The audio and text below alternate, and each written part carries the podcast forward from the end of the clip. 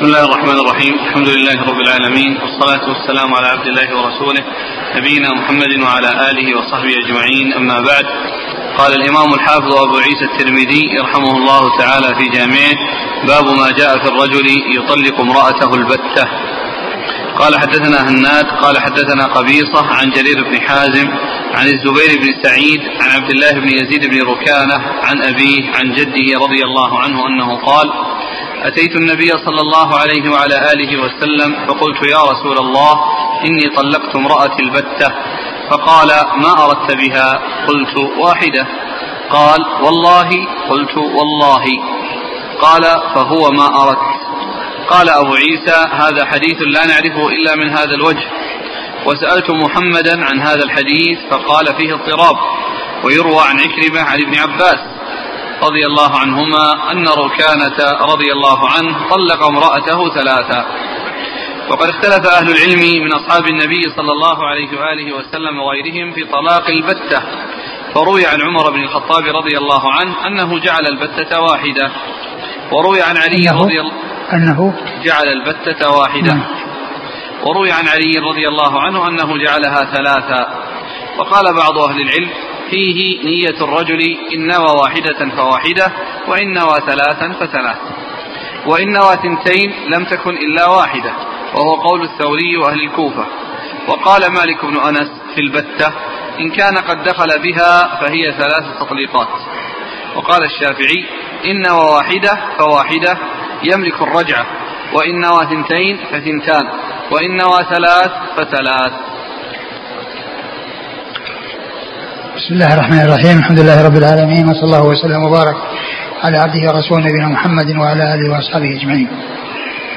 أما بعد فيقول لنا أبو عيسى الترمذي رحمه الله في جامعه باب في طلاق البتة باب ما جاء في الرجل يطلق امرأته البتة. باب ما جاء في الرجل يطلق امرأته البتة. يعني بأن يأتي بلفظ البتة. في تطليقه أو يأتي بلفظ آخر يعني يدل على يعني آآ آآ آآ بتها منه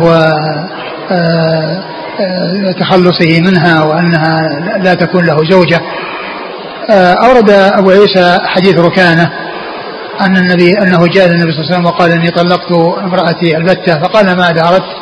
قال أردت واحدة فاستحلفه ثم قال هي واحدة ثم قال هي واحدة. والحديث في إسناده ضعف من جهة آه، الاضطراب فيه ومن جهة وجود ثلاثة أشخاص يعني متكلم فيهم يعني فيه يعني في الضعف.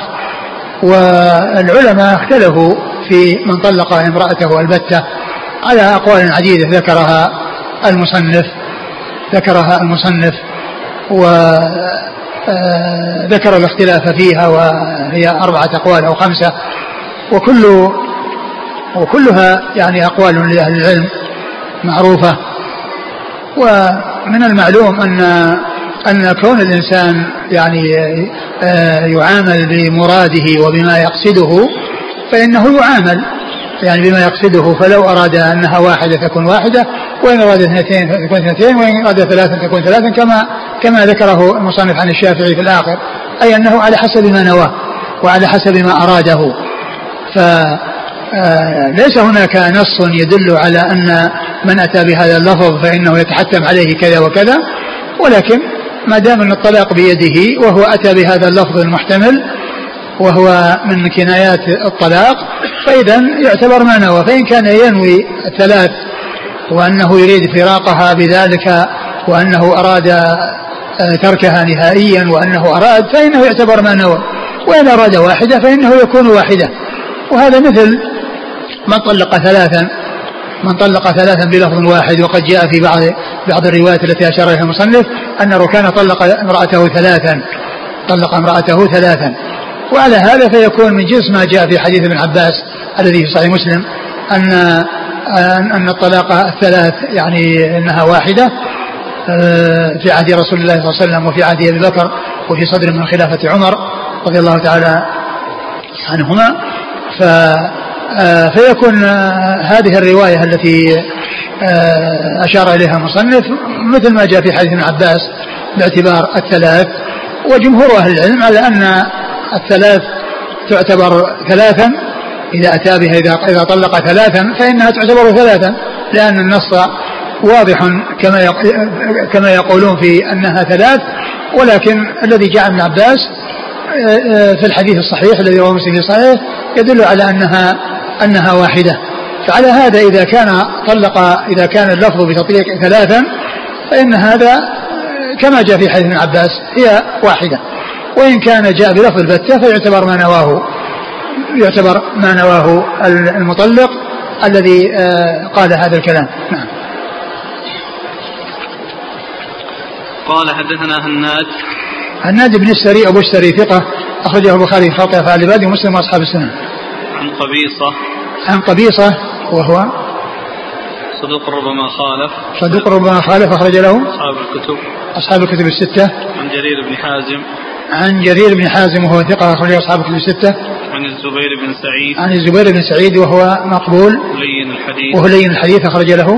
أبو داود والترمذي وابن ماجه. أبو داود الترمذي بن ماجه.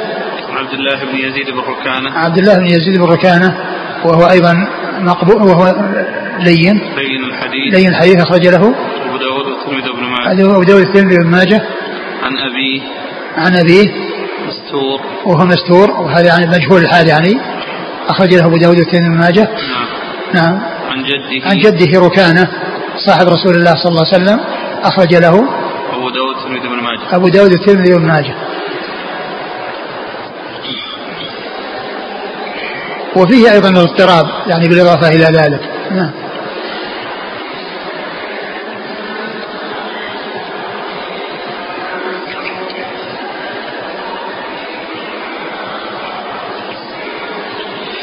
قال أبو عيسى هذا حديث لا نعرفه إلا من هذا الوجه وسألت محمدا عن هذا الحديث فقال فيه اضطراب ويروى عن عكرمة عن ابن عباس أن ركانة طلق امرأته ثلاثا.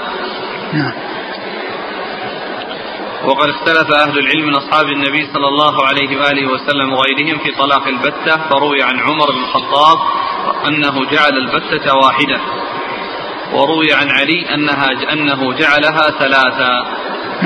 وقال بعض أهل العلم فيه نية الرجل إن نوى واحدة فواحدة وإن نوى ثلاث فثلاث وإن نوى ثنتين لم تكن إلا واحدة. وهو قول الثوري وأهل الكوفة. يعني هذا آه، في الأول والآخر هذا واضح مثل الكلام الذي ذكره الشافعي في الآخر. ولكن كونه يعني إذا ثنتين لا تكون إلا واحدة هذا غير واضح. وقال مالك بن أنس في البتة إن كان قد دخل بها فهي ثلاث تطليقات. وقال؟ مالك بن أنس في البتة إن كان قد دخل بها فهي ثلاث تطليقات. انتهى؟ وقال الشافعي إن واحدة فواحدة يملك الرجعة وإن نوى ثنتين فثنتان وإن نوى ثلاث فثلاث. نعم. تفريق مالك. نعم. مالك بن أنس يقول إن كان قد دخل بها فهي ثلاث. مفهومه؟ ما يعني غير واضح لكن غير المدخول بها كما هو معلوم. هي تبين بطلقة واحدة يعني فضلا عن الثلاث. يعني الواحدة غير المدخول بها تبين بمجرد الطلاق أي طلاق فإنها تبين به وليس ولا يكون لها عدة أيضا. تكون بائن وليس لها عدة. فلها أن تتزوج في الحال. يعني بعدما يطلقها إذا كان غير مدخول بها فإنها ليس لها عدة ولهذا يمكن تزوجها. نعم. يقول السائل ما الفرق بين طلاق البتة وطلاق الثلاث بلفظ واحد؟ كلمة البتة هذا بلفظ البتة هي طالق البتة هذا هو طلاق البتة. وأما إذا قال أنت طالق ثلاثا فيعني آه، على ما ذكره المصنف هنا في أن أن الركان طلق زوجته ثلاثا يعني فيكون هذا بتة يعني معناه أنه بت طلاقها وأنه آه، أنهى صلته بها لأنه أعطى الحد الذي يكون به المفارقة الكاملة أو المفارقة النهائية. ويعني ولكن ال ال إذا قال آه، البتة فهذا لا هذه كلمة محتملة قد يريد بها بتها نهائيا بحيث أنه يعني لا يقصد آه، مفارقتها نهائيا وأنها تكون بمنزلة ثلاث أو أنه يريد بتها يعني معناها أن, أن التخلص منها بطلقة واحدة أو بطلقتين. فيرجع إلى فيرجع إلى ما نواه. نعم. تعتبر من الكنايات. نعم هذه من الكنايات. كلمة البتة هي من الكنايات.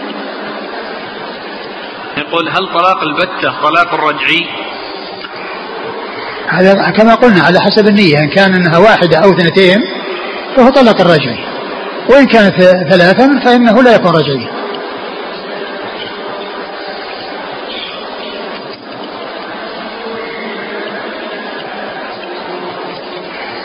قال رحمه الله تعالى باب ما جاء في أمرك بيدك. قال حدثنا علي بن نصر بن علي قال حدثنا سليمان بن حرب قال حدثنا حماد بن زيد قال قلت لأيوب هل علمت أن أحدا قال في أمرك بيدك إنها ثلاث إلا الحسن؟ فقال لا إلا الحسن. ثم قال اللهم غفرا. إلا ما حدثني قتادة عن كثير مولى بني سمرة عن أبي سلمة عن أبي هريرة رضي الله عنه عن النبي صلى الله عليه وآله وسلم أنه قال ثلاث. قال أيوب فلقيت كثيرا مولى بني سمرة فسألته فلم يعرف فرجعت إلى قتادة فأخبرته فقال نسي. قال أبو عيسى هذا حديث غريب لا نعرفه إلا من حديث سليمان بن حرب عن حماد بن زيد. وسألت محمدا عن هذا الحديث فقال حدثنا سليمان بن حرب عن حماد بن زيد بهذا وإنما هو عن أبي هريرة موقوف ولم يعرف حديث أبي هريرة مرفوعا. وكان علي بن نصر حافظا صاحب حديث وقد اختلف أهل العلم في أمرك بيدك. فقال بعض أهل العلم من أصحاب النبي صلى الله عليه وآله وسلم وغيرهم منهم عمر بن الخطاب وعبد الله بن مسعود هي واحدة. وهو قول غير واحد من أهل العلم من التابعين ومن بعدهم. وقال عثمان بن عفان وزيد بن ثابت القضاء ما قضت. وقال ابن عمر رضي الله عنهما إذا جعل أمرها بيدها وطلقت نفسها ثلاثا وأنكر الزوج وقال لم أجعل أمرها بيدها إلا في واحدة استحلف الزوج. وكان القول قوله مع يمينه. وكان القول قوله مع يمينه. وذهب سفيان وأهل الكوفة إلى قول عمر وعبد الله وأما مالك بن أنس فقال القضاء ما قضت وهو قول أحمد وأما إسحاق فذهب إلى قول ابن عمر. ثم رد أبو عيسى هذه الترجمة وهي باب أمرك بيدك إذا قال لها أمرك بيدك فماذا يكون؟ كيف يكون الطلاق؟ هل هل يعني لها أن تطلق نفسها يعني آه، البتة ونهائيا بحيث يعني لا يكون له رجعة أو أنه يعني يكون طلقة واحدة وتكون رجعية أو يعني يكون غير ذلك. أقوال لأهل أهل العلم يعني في هذه المسألة. والذي يبدو أن أن هذا يرجع إلى إلى ما يريده. أو إلى ما أراده صاحب الحق الذي هو الزوج فإن كان يقصد أمرك بيدك فإنها يعني أنها تفعل ما تشاء من تطلع واحدة أو اثنتين أو ثلاث فإن الأمر يرجع إليها. وإن كان يقصد انها ان ان, أن الطلاق يعني آه، أنها تملك طلقة واحدة وأنها آه، تخلص آه، يعني تحقق ذلك بطلقة واحدة فيكون العبرة بما نواه. يعني ما دام أنه هو صاحب الحق وصاحب الطلاق والأمر بيده. فبعض أهل العلم قال إنها تعتبر آه، طلقة واحدة وأنها تملك طلقة واحدة. وبعضهم قال إن القضاء ما قضت. يعني إن أرادت واحدة فهي واحدة وإن أرادت اثنتين فهي اثنتين وإن أرادت ثلاثا فهي ثلاث. و والذي يبدو أن الأمر يرجع إليه. فإن كان فوضها وقصده تفويضها وأنها تفعل ما تشاء فالقول ما, ما تقول. وإن كان لا يقصد بذلك فإنه يعتبر قصده إذا كان يعني يريد آه، واحدة فتكون رجعية. وقد ذكر المصنف رحمه الله هذا الأثر آه، المسند عن الحسن البصري وهو بإسناد صحيح إليه وذكر عماد بن زيد أنه سأل أيوب هل سمعت آه، أحدا قال بأن أمرك بيدك يعني يكون ثلاثا غير الحسن؟ قال لا يعني ما يعرف أنه أنه قال أحد بأن أمرك بيدك يكون ثلاثا إلا الحسن ثم قال اللهم غفرا. ثم ذكر هذا الإسناد في هذا الحديث المرفوع عن أبي هريرة رضي الله تعالى عنه أن أن, أن, إيش متنه؟ حديث أبي هريرة؟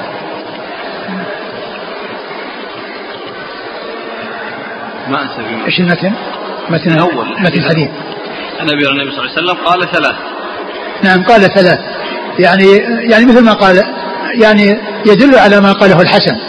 يدل على ما قاله الحسن. يعني معناه أن أنه آه، اولا قال ما يعرف يعني شيئا إلا عن الحسن أنه قال ثلاث. ثم قال اللهم غفرا ثم ذكر هذا الإسناد الذي فيه أن النبي صلى الله عليه وسلم قال ثلاث في أمرك بيدك ولكن الإسناد لم يثبت. الإسناد يعني في هذا المرفوع لم يثبت ولكنه موقوف على الحسن هو ثابت يعني بالإسناد إليه. والجواب الذي يبدو والله أعلم هو التفصيل الذي أشرت إليه. نعم. قال حدثنا علي بن نصر بن علي. علي بن نصر بن علي ثقة أخرج له مسلم والترمذي وأبو داود. أبو مسلم وأبو داود والترمذي. والنسائي. والنسائي. عن سليمان بن حرب. سليمان بن حرب ثقة أخرجه أصحاب كتب الستة. عن حماد بن زيد. عن حماد بن زيد وهو ثقة أخرجه أصحاب كتب الستة. عن أيوب. عن أيوب بن أبي تميم السقياني ثقة أخرجه أصحاب كتب الستة. قال قلت قال قلت. قلت. حماد بن زيد يقول قلت لأيوب هل علمت أن أحدا نعم، قال قال قال حماد. ها؟ قال. حماد بن زيد قال أيوه؟ قلت لأيوب. م. هل علمت أن أحدا قال في أمرك بيدك إنها ثلاث إلا الحسن؟ فقال لا إلا الحسن. ثم قال حدثني قتادة. ثم ذكر الإسناد المرفوع. يعني استدرك يعني بعدما قال إنه ما يعرف أحدا جاء عنه إنها ثلاث إلى الحسن ثم ذكر هذا الإسناد المرفوع ولا فيه أنه قال ثلاثا. يعني فيكون آه، لو ثبت دليل على ما قاله الحسن. دليل على ما قاله الحسن لكنه لم يثبت. قال حدثنا قتادة وقتادة من دعامة السدوسي البصري ثقة أخرجه أصحاب كتب الستة. عن كثير مولى بني سمرة. عن كثير مولى بني سمرة وهو مقبول. أخرجه أبو داود والترمذي والنسائي. مقبول أخرجه أبو داود والترمذي والنسائي. وابن ماجه في التفسير. وابن ماجه في التفسير. عن أبي سلمة. عن أبي سلمة ابن عبد الرحمن بن عوف وهو ثقة أخرجه أصحابه في الستة. عن أبي هريرة عبد الرحمن بن صخر الدوسي رضي الله عنه وهو أحد وهو أكثر الصحابة حديثا. قال أيوب فلقيت كثيرا مولى بني سمرة فسألته فلم يعرف. فرجعت إلى قتادة فأخبرته فقال نسي. نعم. قال أبو عيسى هذا حديث غريب لا نعرفه إلا من حديث سليمان بن حرب عن حماد بن زيد. وسألت محمدا عن هذا الحديث فقال حدثنا سليمان بن حرب عن حماد بن زيد بهذا وإنما هو عن أبي هريرة موقوف. ولم يعرف حديث أبي هريرة مرفوعا. وكان علي بن علي بن نصر حافظا صاحب حديث. نعم. وقد اختلف أهل العلم في أمرك بيدك فقال بعض أهل العلم من أصحاب النبي صلى الله عليه وآله وسلم وغيرهم منهم عمر بن الخطاب وعبد الله بن مسعود هي واحدة. وهو قول غير واحد من أهل العلم من التابعين ومن بعدهم. وقال عثمان بن عفان وزيد بن ثابت القضاء ما قضت. مراد. يعني إذا قالت واحدة فهي واحدة وإن قالت اثنتين اثنتين وإن قالت ثلاثة ثلاثة وقال ابن عمر إذا جعل أمرها بيدها وطلقت نفسها ثلاثا وأنكر الزوج وقال لم أجعل أمرها بيدها إلا في واحدة استحلف الزوج وكان القول قوله مع يمينه. نعم. وذهب سفيان وأهل الكوفة إلى قول عمر وعبد الله. وأما مالك بن أنس فقال القضاء ما قضت وهو قول أحمد. وأما إسحاق فذهب إلى قول ابن عمر. نعم. ما أحد قال يرجع إلى نيته؟ لا ذاك الذي الذي قال استحلف. نعم. قال ابن عمر إذا جعل أمرها بيدها وطلقت نفسها ثلاثا وأنكر الزوج وقال لم أجعل أمرها بيدها إلا في واحدة. واستحلف الزوج وكان القول قوله مع يمين هذا يعني معناه الأمر يرجع إليه.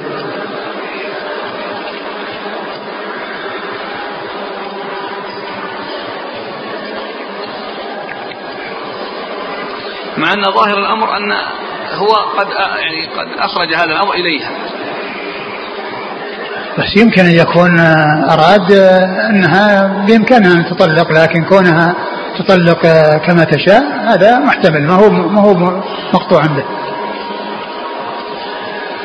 إذا هذا يلحق بالبتة يعني نفس يرجع إلى نيته ويكون من جنسها من جنسها جنايات الطلاق التي يرجع فيها إلى النية. من جنسها.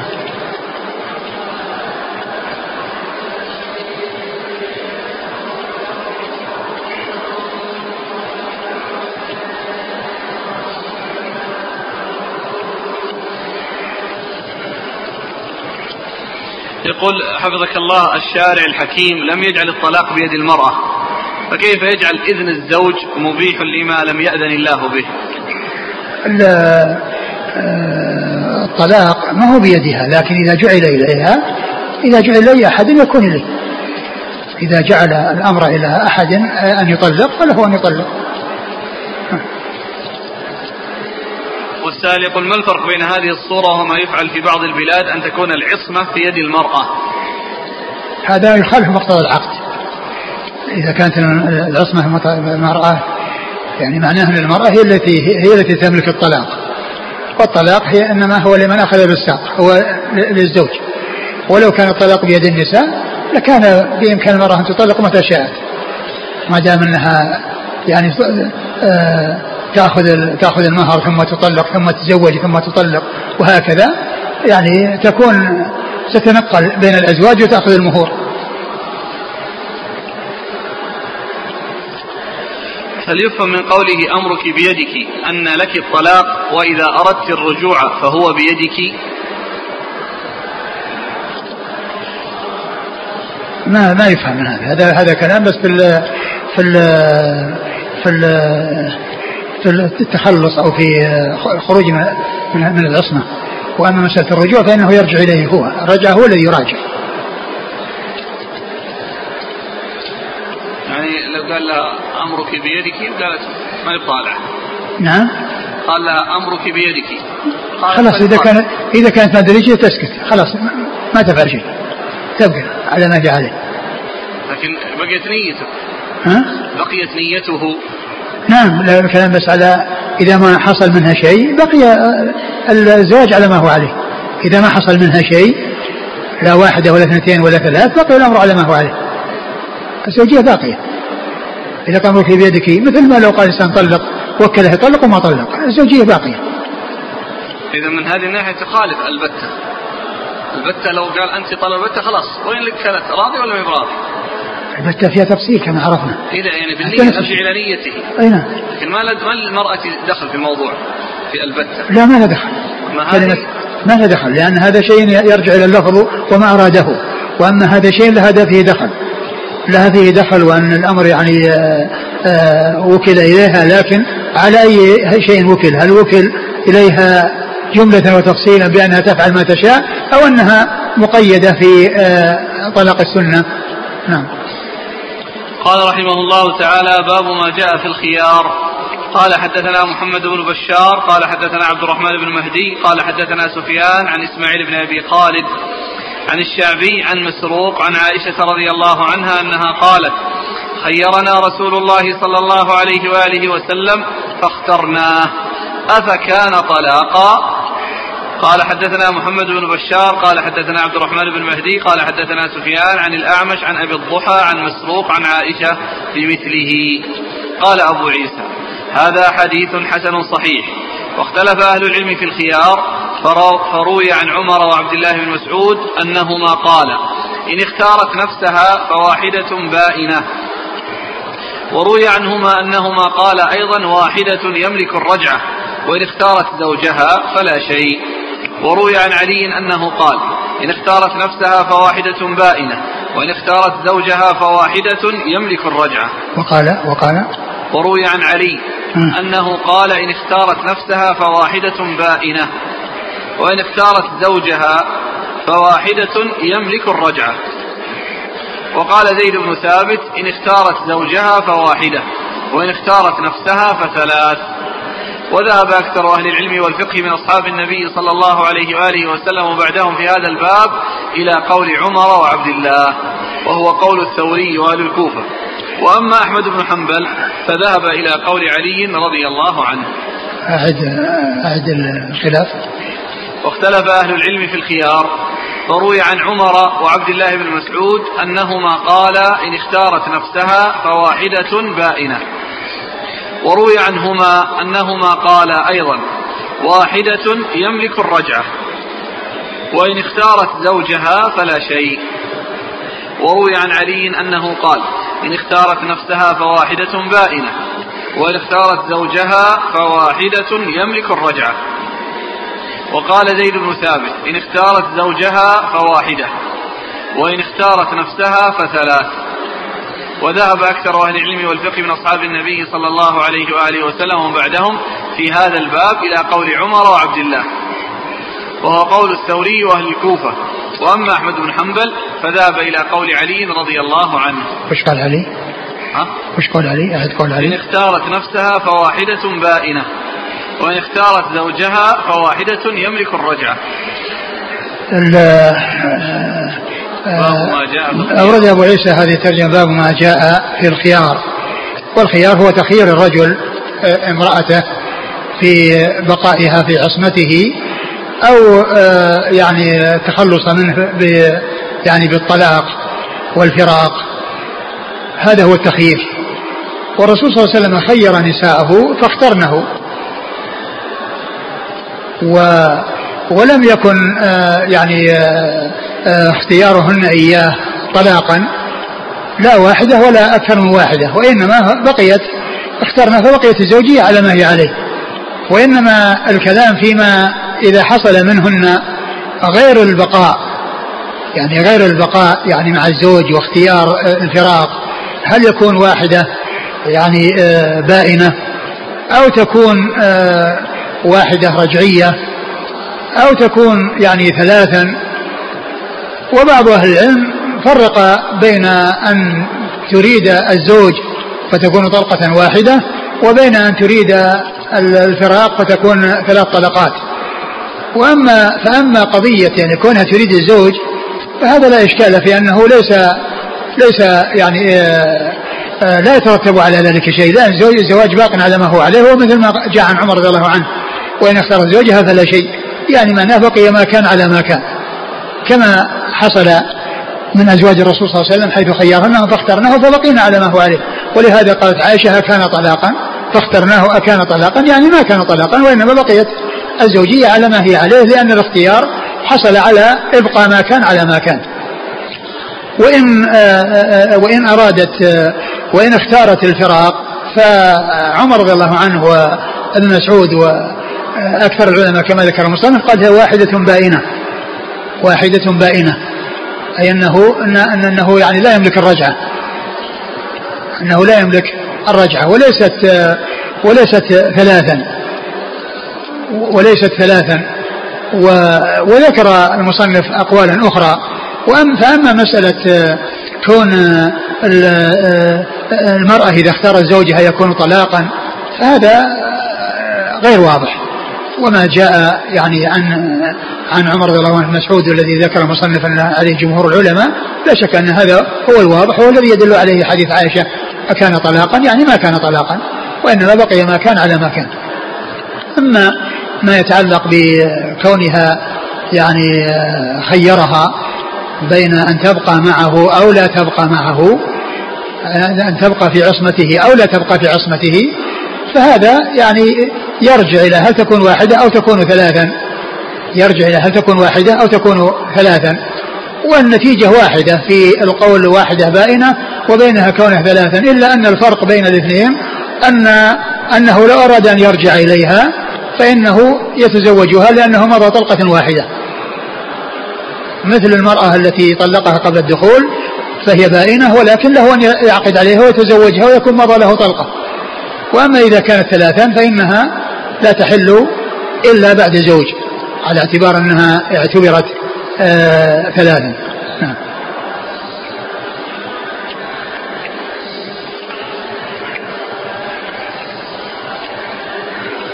الاسناد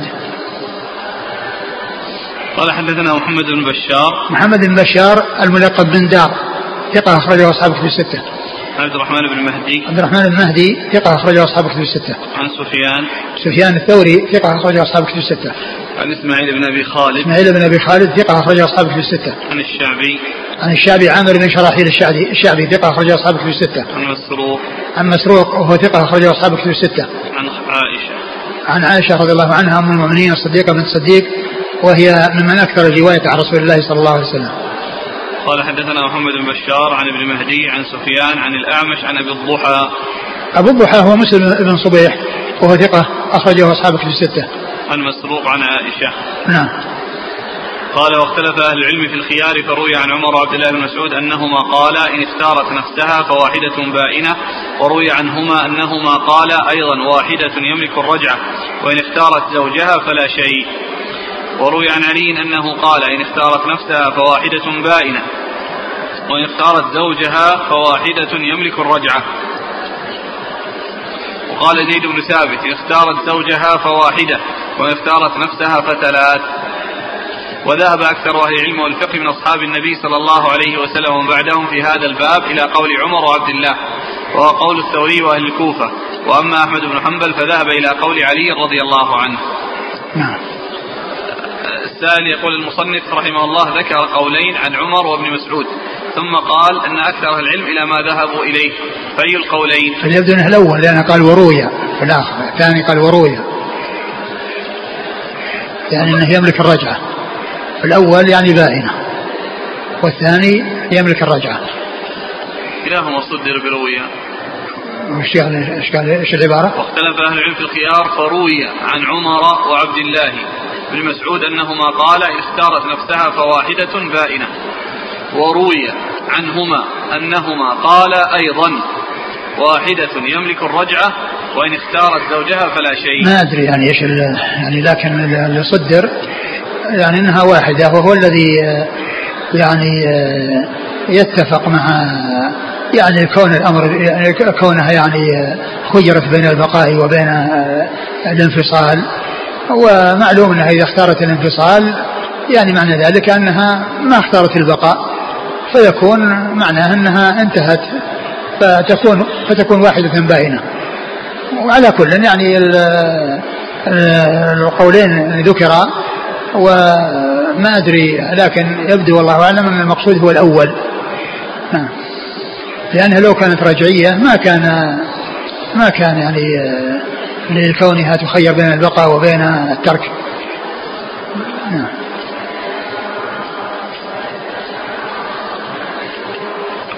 إذا كانت باينة يعني معناه مضى طلقة ويعني آه، يعقد عليها من جديد.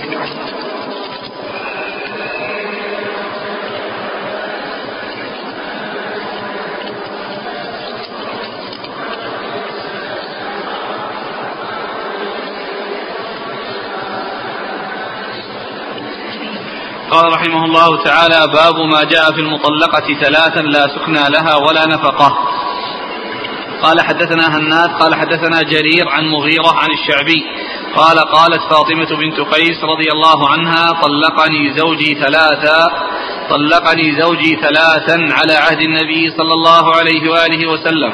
فقال رسول الله صلى الله عليه وآله وسلم لا سكنى لك ولا نفقة. قال مغيرة فذكرته لإبراهيم فقال قال عمر رضي الله عنه لا ندع كتاب الله وسنة نبينا صلى الله عليه وآله وسلم لقول امرأة لا ندري أحفظت أم نسيت وكان عمر يجعل لها السكنى والنفقة. حدثنا أحمد بن منيع قال حدثنا هشيم قال أنبانا حسين وإسماعيل ومجالد. قال هشيم وحدثنا داود أيضا عن, عن الشعبي قال دخلت على فاطمة بنت قيس فسألتها عن قضاء رسول الله صلى الله عليه وآله وسلم فيها فقالت طلقها زوجها البتة فخاصمته للسكنى والنفقة.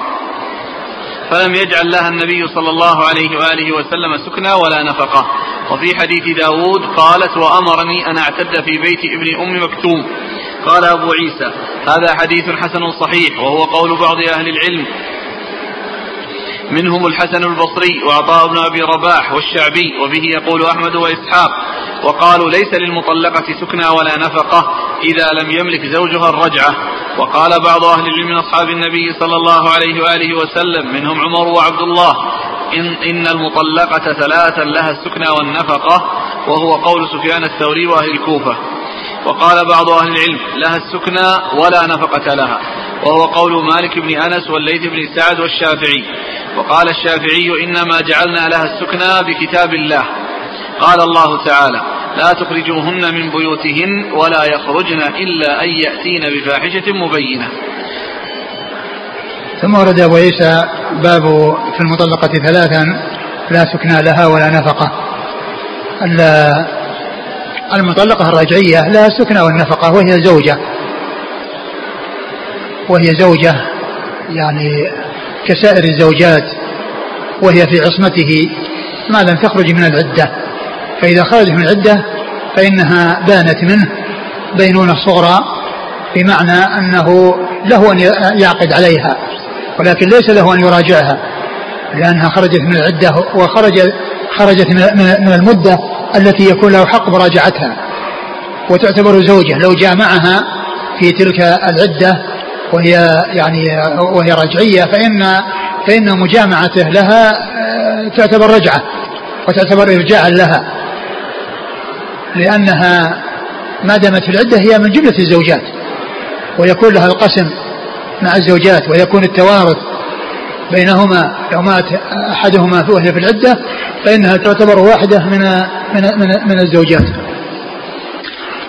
و آه، وقد أورد أبو عيسى حديث فاطمة بنت قيس رضي الله تعالى عنها أنها أن زوجها طلقها ثلاثا وقد سبق أن مر أنها أنه طلقها آخر ثلاث تطليقات وأنه جعل لها خمسة أقفزة يعني من شعير وخمسة من البر وأنها سخطت ذلك وأنها جاءت الرسول صلى الله عليه وسلم وقال إنه لا سكنى لها ولا نفقة وقد قال انه لا سكنى لها ولا نفقة.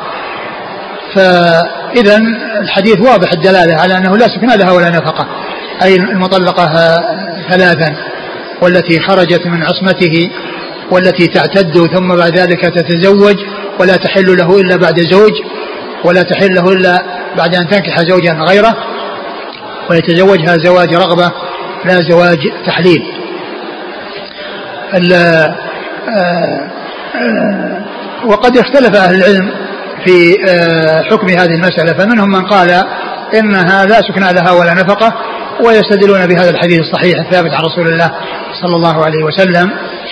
وفيه أيضا يعني كونه جاء أنه أمرها بأن تعتد في بيت ابن مكتوم ما أمرها بأن تعتد يعني في بيت زوجها لأنها آه، لا نفق لا نفقة لها ولا ولا سكنى فأمرها أن تعتد في بيت ابن مكتوم كما سبق أن مر في بعض روايات الحديث. وبعض أهل العلم ذهب إلى أنه لها السكنى ولها النفقة. أنها لها السكنى ولها النفقة. و وبعضهم قال إن لها السكنى بدون النفقة. لها السكنى بدون النفقة. وذلك أن الله قال لا تخرجوهن من بيوتهن ولا يخرجن إلا يأتين الفاحشة مبين. ولكن جاء بعد ذلك ما يوضح أن المقصود بذلك الرجعية لأن قال لعل الله بعد ذلك أمرا. والمطلقة البائن التي لا رجعة لها ليس هناك أمر يحدث فيما يتعلق بعود الزوجية إلا بعد خروج عدتها وزواجها. آه، من شخص زواج رغبة ثم يطلقها ثم ترجع إلى زوجها بثلاث تطليقات. هذا هو الطريق. فإذا الحديث يعني يدل على صحة القول بأن المرأة المطلقة ثلاثا لا سكن لها ولا نفقة وقد قضى بذلك رسول الله صلى الله عليه وسلم. وما جاء عن عمر رضي الله عنه من من قول لا ندري يعني حفظت أم نسيت. يعني الأصل كما هو معلوم في الأحاديث أنها إذا جاءت من شخص واحد فإنها معتبرة وتكون يعني حجة ويعول عليها وحديث الآحاد حجة. وعمر رضي الله عنه يعني وأرضاه يعني آآ آآ آآ أخذ ب يعني بأحاديث الأحاد وأبو بكر رضي الله عنه أخذ بأحاديث الأحاد. ولكنه رضي الله عنه كان يستوثق أحيانا في في الرواية ويطلب المزيد. يعني من ذلك ولا يعني ذلك أنه لو لم يأتي إلا من طريق واحد فإنه لا لا يعتد به لأن لأنها لأنه لا ثبت من طريق واحد لن يعتد به وحديثنا مع الماء بالنيات وإنما لكل امرئ ما نوى هو رواه عمر بن الخطاب ولم يروه غيره وقد جاء من طريق مفرد طريق غريب يعني من من من غرائب الصحيح ما جاء من طرق متعددة لا من طريقين ولا من أكثر وإنما هو من طريق عمر بن الخطاب رضي الله عنه. وهو حجة عند عند العلماء يعني أحاديث الأحاد حجة ولا جاءت من طريق واحد ولكن القول الأقوال الثلاثة هذه التي ذكرها المصنف أرجحها وأقواها هو القول الأول الذي يدل عليه هذا الحديث الثابت عن رسول الله صلى الله عليه وسلم.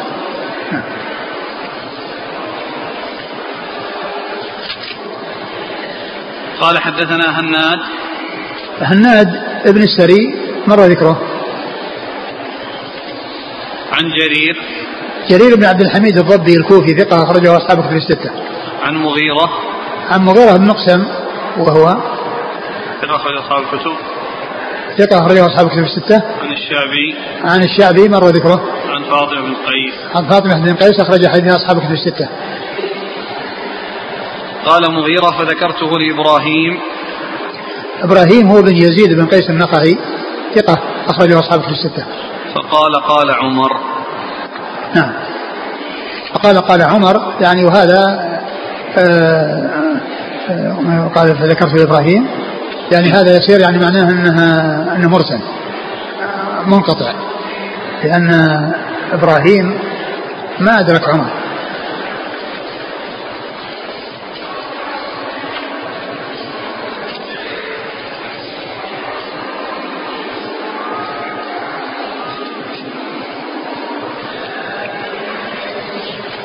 قال حدثنا أحمد بن منيع نعم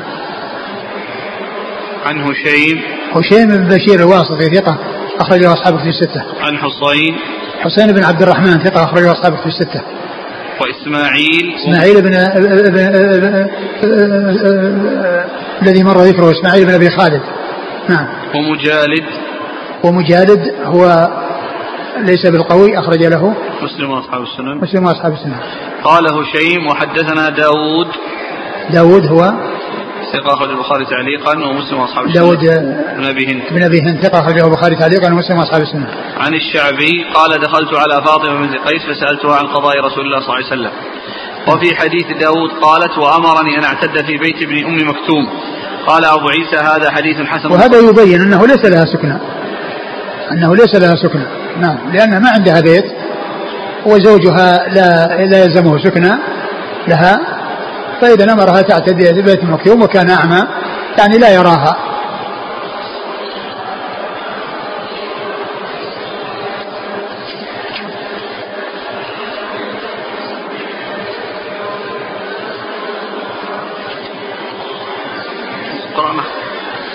قال وهو قول بعض أهل العلم منهم الحسن البصري وعطاء بن أبي رباح والشعبي وبه يقول أحمد وإسحاق وقالوا ليس للمطلقة سكنى ولا نفقة إذا لم يملك زوجها الرجعة. يعني معناها التي لها سكنى ونفقة هي التي يملك الرجعة وهي المطلقة واحدة أو اثنتين.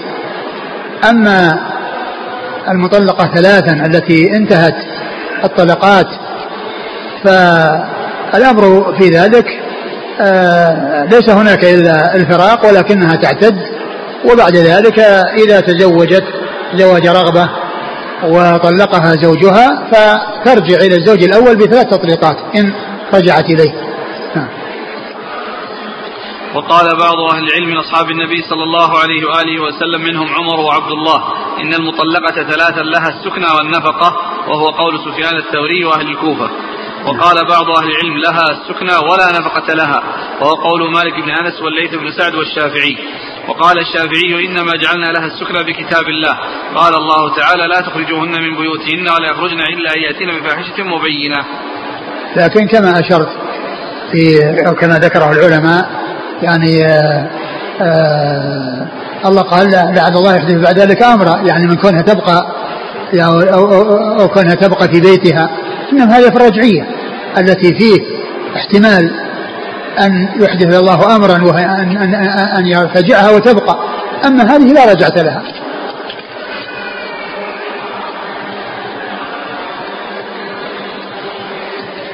قالوا هو البذاء أن تبذو على أهلها واعتل بأن فاطمة بنت قيس لم يجعل لها النبي صلى الله عليه وسلم السكنى لما كانت تبذو على أهلها. قال الشافعي ولا نفقة لها لحديث رسول الله صلى الله عليه وآله وسلم في قصة حديث فاطمة بنت قيس. يعني معناه أن أن الرسول صلى الله عليه وسلم يعني لما أمرها أن تعتد بيت مسعود قالوا أن هذا يعني يمكن أنها عندها يعني آه، بداءة وعندها صلف و وأنها تتكلم عليهم بكلام لا ينبغي فمن ذلك أبعدها عنهم ولكن هذا خلاف الأصل. هذا خلاف الأصل. لو كان هذا لجاء بيانه لكونها كذا وكذا فتذهب. ولكن قال لا سكن ولا نفقه من معاني الآية؟ لا تخرجون إلا أن يأتين بفاحشة مبينة. يعني كون المرأة بذيئة اللسان هذا يوجب إخراجها أو من, من ما يدخل في قوله؟ آه هذا هو الذي سبق أن مر أن الفاحشة المبينة التي آه يكون معها يعني التعذيب آه غير الزنا كما سبق أن مر بنا في حديث حديث مر قريبا الذي قال يعني كونها النشوز و وال يعني آه، فإنها تؤاخذ بالهجر في المضاجع وبالضرب غير المبرح هذا إنما يكون في من تكون عندها شراسة أخلاق يعني تعامل هذه المعاملة وهذه الفاحشة. أما آه، آه، الفاحشة يعني التي يعني لا بد من الصرامة فيها ولا بد من الغضب فيها ولا بد من الغيرة فيها هي أن تأتي بفاحشة والعياذ بالله فإن هذه لا تعاقب بمثل هذه العقوبات التي هي الهجر والضرب غير المبرح. فالحاصل أن أن أنه يعني إذا كان بقاءها بقاء الزوجة يعني آه الرجعية هي التي يمكن يقال أنها يمكن أن تخرج من أجل يعني الضرر. أما الأصل هو عدم الخروج. أما تلك التي هي البائن فإنه لا سكن لها أصلا مطلقة ولو كانت من من من من, من أسلم الناس لسانا وأحسنهم خلقا فإنه لا سكن لها.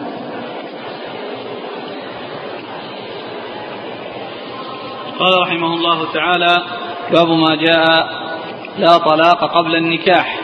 قال حدثنا أحمد بن منيع قال حدثنا هشيم قال حدثنا عامر الأحول عن عمرو بن شعيب عن أبيه عن جده رضي الله عنه أنه قال قال رسول الله صلى الله عليه وآله وسلم لا نذر لابن آدم فيما لا يملك ولا عتق له فيما لا يملك ولا طلاق له فيما لا يملك. قاله في الباب عن علي ومعاذ بن جبل وجابر وابن عباس وعائشة رضي الله عنهم أجمعين. قال أبو عيسى حديث عبد الله بن عمرو حديث حسن صحيح.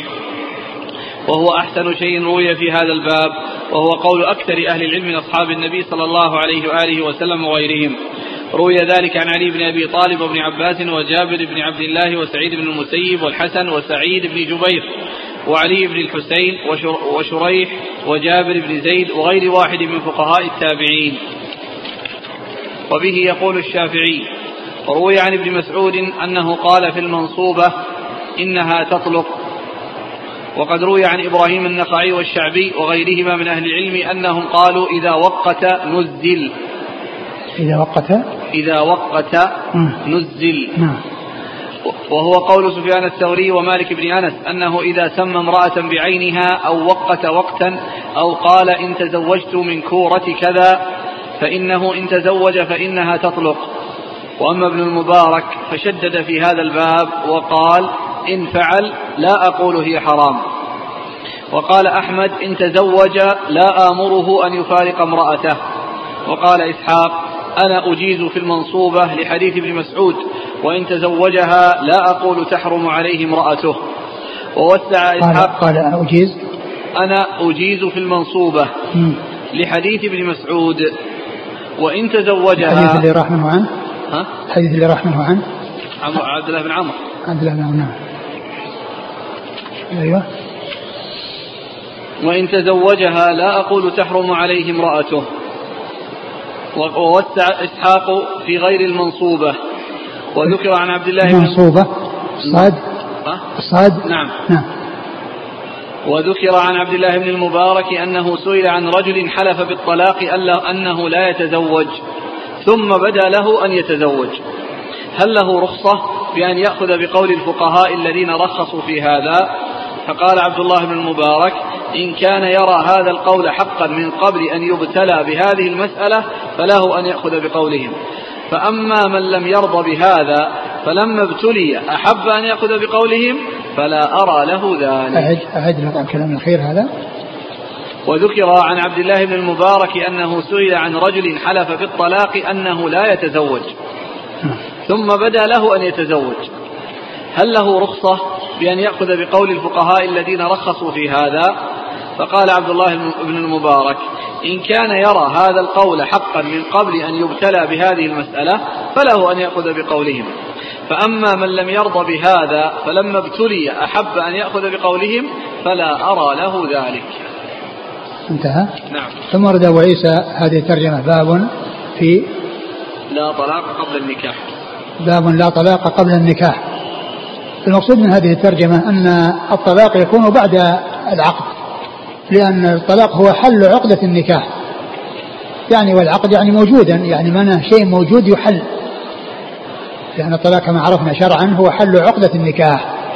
يعني نكاح موجود تحل عقدته بالطلاق فيتخلص من ذلك النكاح بالطلاق. فالترجمة هي أن, أن, أن, أن أنه لا, لا طلاق قبل النكاح. يعني أن النكاح أن الطلاق يكون بعد النكاح لأنه حل لعقدة النكاح. آه، أورد أبو عيسى حديث عبد الله بن عمرو العاص رضي الله تعالى عنه أنه قال لا نذر فيما لا يملك. لا نذر ابن آدم فيما لا يملك. لا نذر لابن آدم فيما لا يملك ولا عتق له فيما لا يملك. ولا عتق له فيما لا يملك ولا طلاق له فيما لا يملك. يعني أن الإنسان إنما يتصرف في شيء يملكه.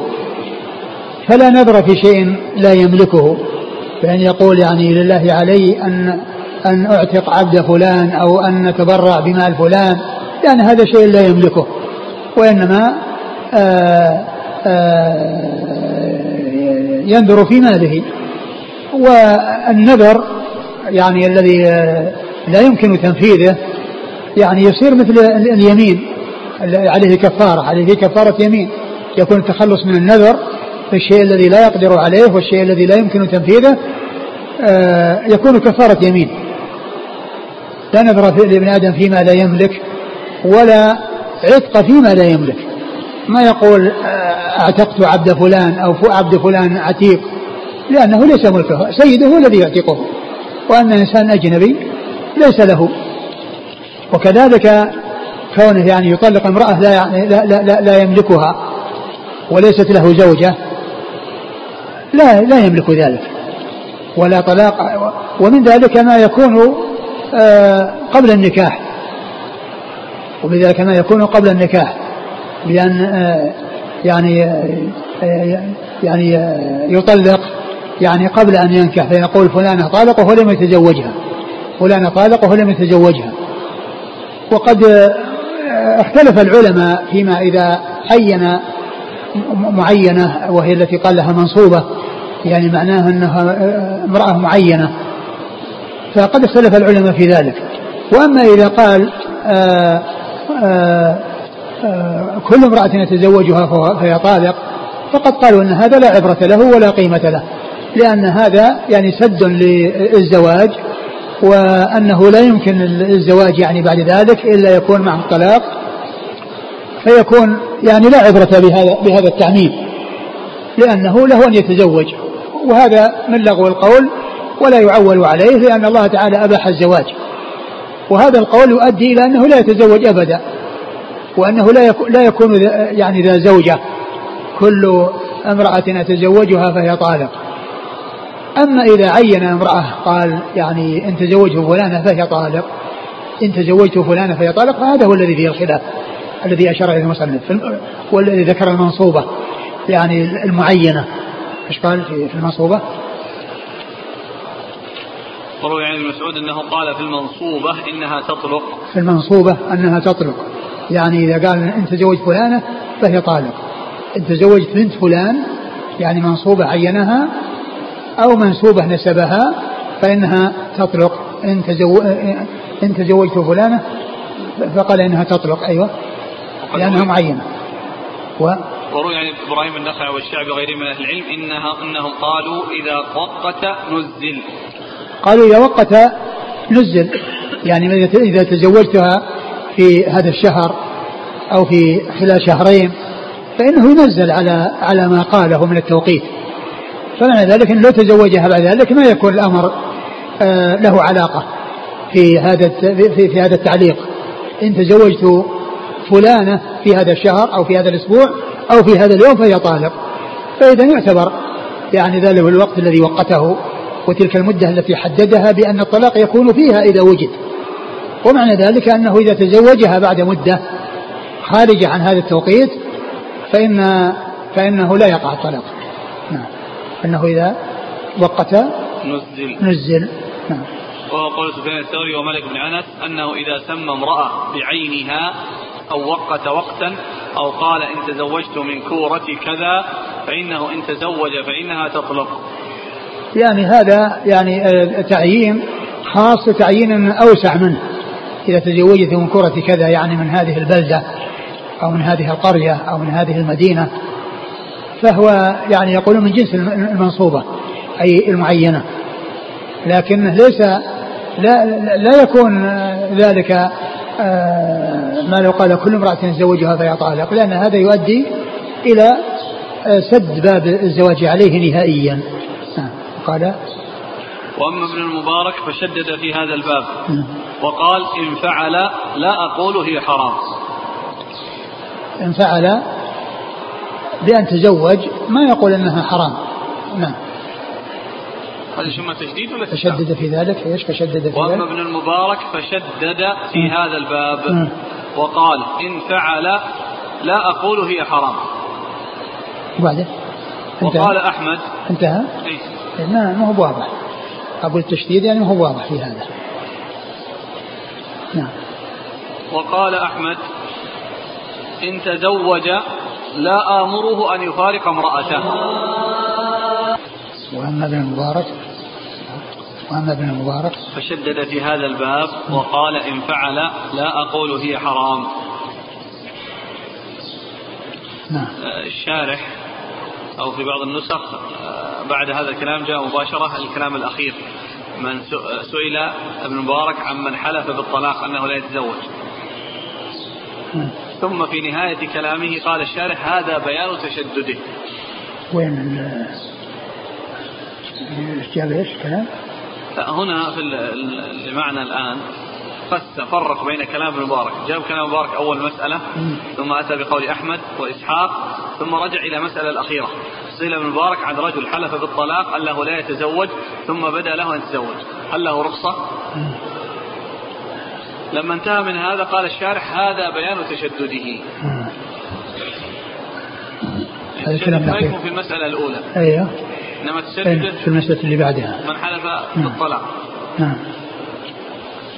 آه، أما ابن المبارك فشد هذا الباب وقال إن فعل لا أقول هي حرام. وقال أحمد إن تزوج لا آمره أن يفارق امرأته. يعني كان هذا يعني آه، أنه يريد أن المنصوبة كالعامة أو الكلام المطلق الذي قال كل امرأة آه، أتزوجها فهي طالق. قال هذا إنه لا يعني يسد على نفسه باب. فيجعل فجعل المنصوبة يعني كالمطلقة أو أو الكلام المطلق الذي يعم آه، النساء التي يتزوج بهن مطلقا نعم. وقال إسحاق أنا أجيز في المنصوبة لحديث ابن مسعود. ما أدري إيش حديث مسعود؟ هذا أجيز في المنصوبة؟ أجيز في المنصوبة لحديث ابن مسعود. ما ذكر الشارح شارح إلى حديث مسعود هذا؟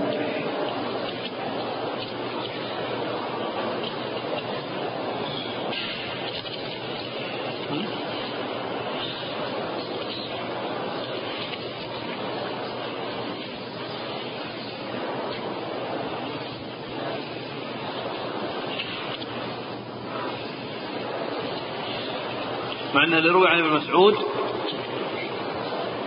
يمكن إذا كان لأنه في أول كلام وروي عن ابن مسعود أنه قال في المنصوبة إنها تطلق. لما بدأ ذكر خلاف العلماء. أيوه. قال وروي عن ابن مسعود أنه قال في المنصوبة إنها تطلق. ثم جاء هذا الكلام بعد ذلك. قال إسحاق أنا أجيز في المنصوبة لحديث ابن مسعود. بس الكلام في حديث هذه حديث ما رأيه يعني ما يعني يمكن يجيز يعني أنها تطلق. أنها تطلق لكن بس الكلام على ذكر الحديث.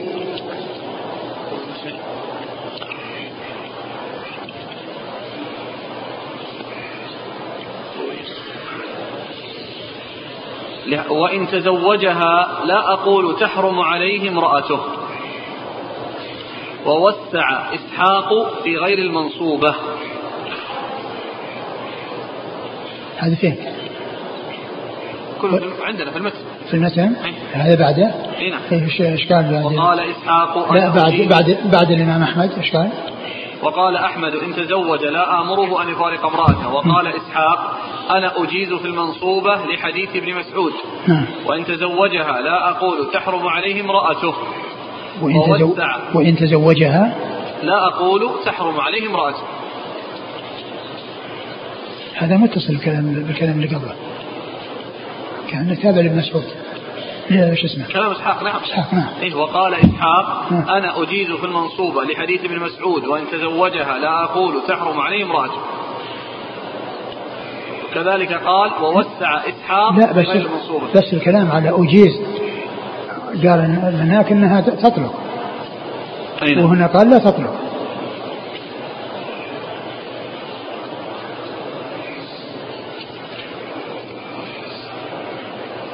وإن إيش؟ بعد بعد ابن مسعود إيش قال؟ وإن تزوجها لا أقول تحرم عليه امرأته. هذا مثل كلام أحمد اللي راح. نعم. ووسع إسحاق في غير المنصوبة. صارت المنصوبة غير المنصوبة سوا عنده.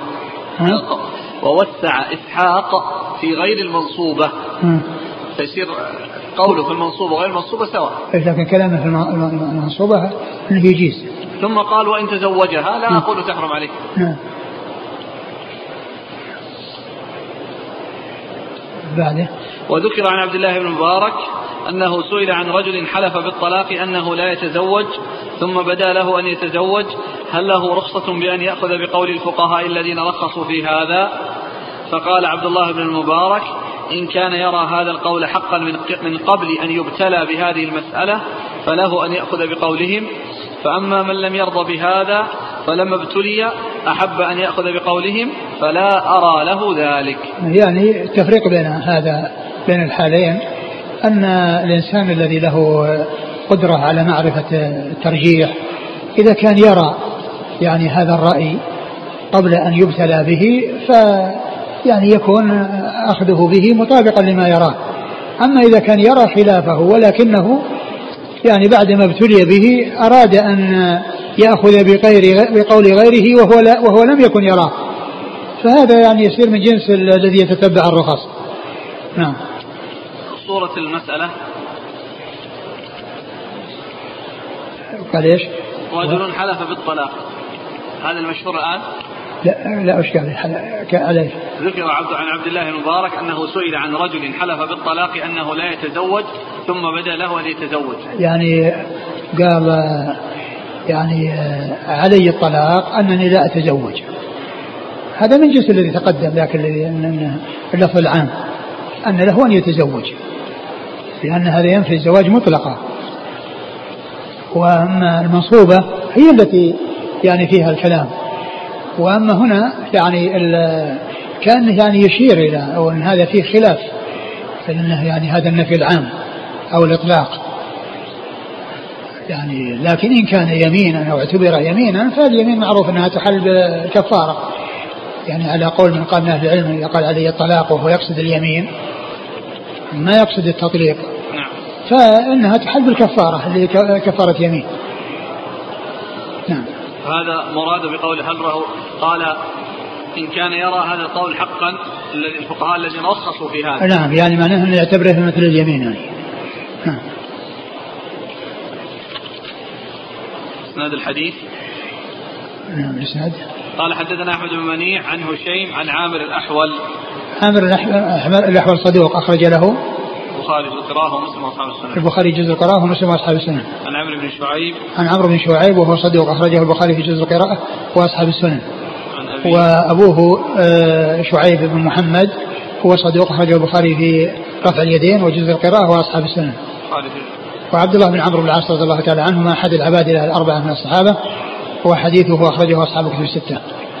قال وفي الباب عن علي علي بن أبي طالب أمير المؤمنين ورابع الخلفاء الراشدين الهادين المهديين صاحب المناقب الجمة والفضائل الكثيرة وحديثه عند أصحاب الكتب الستة. ومعاذ بن جبل ومعاذ بن جبل أخرج حديثه أصحاب الكتب الستة.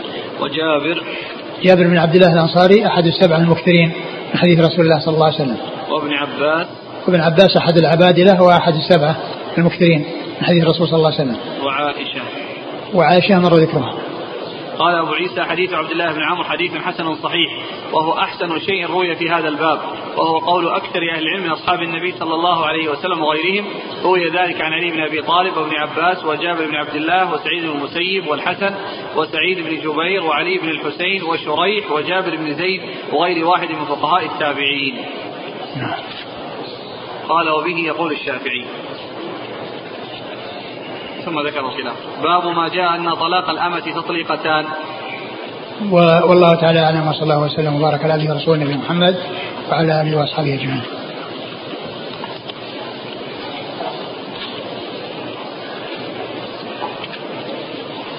جزاكم الله خيرا وبارك الله فيكم ونفعنا الله ما قلتم وغفر الله لنا ولكم وللمسلمين.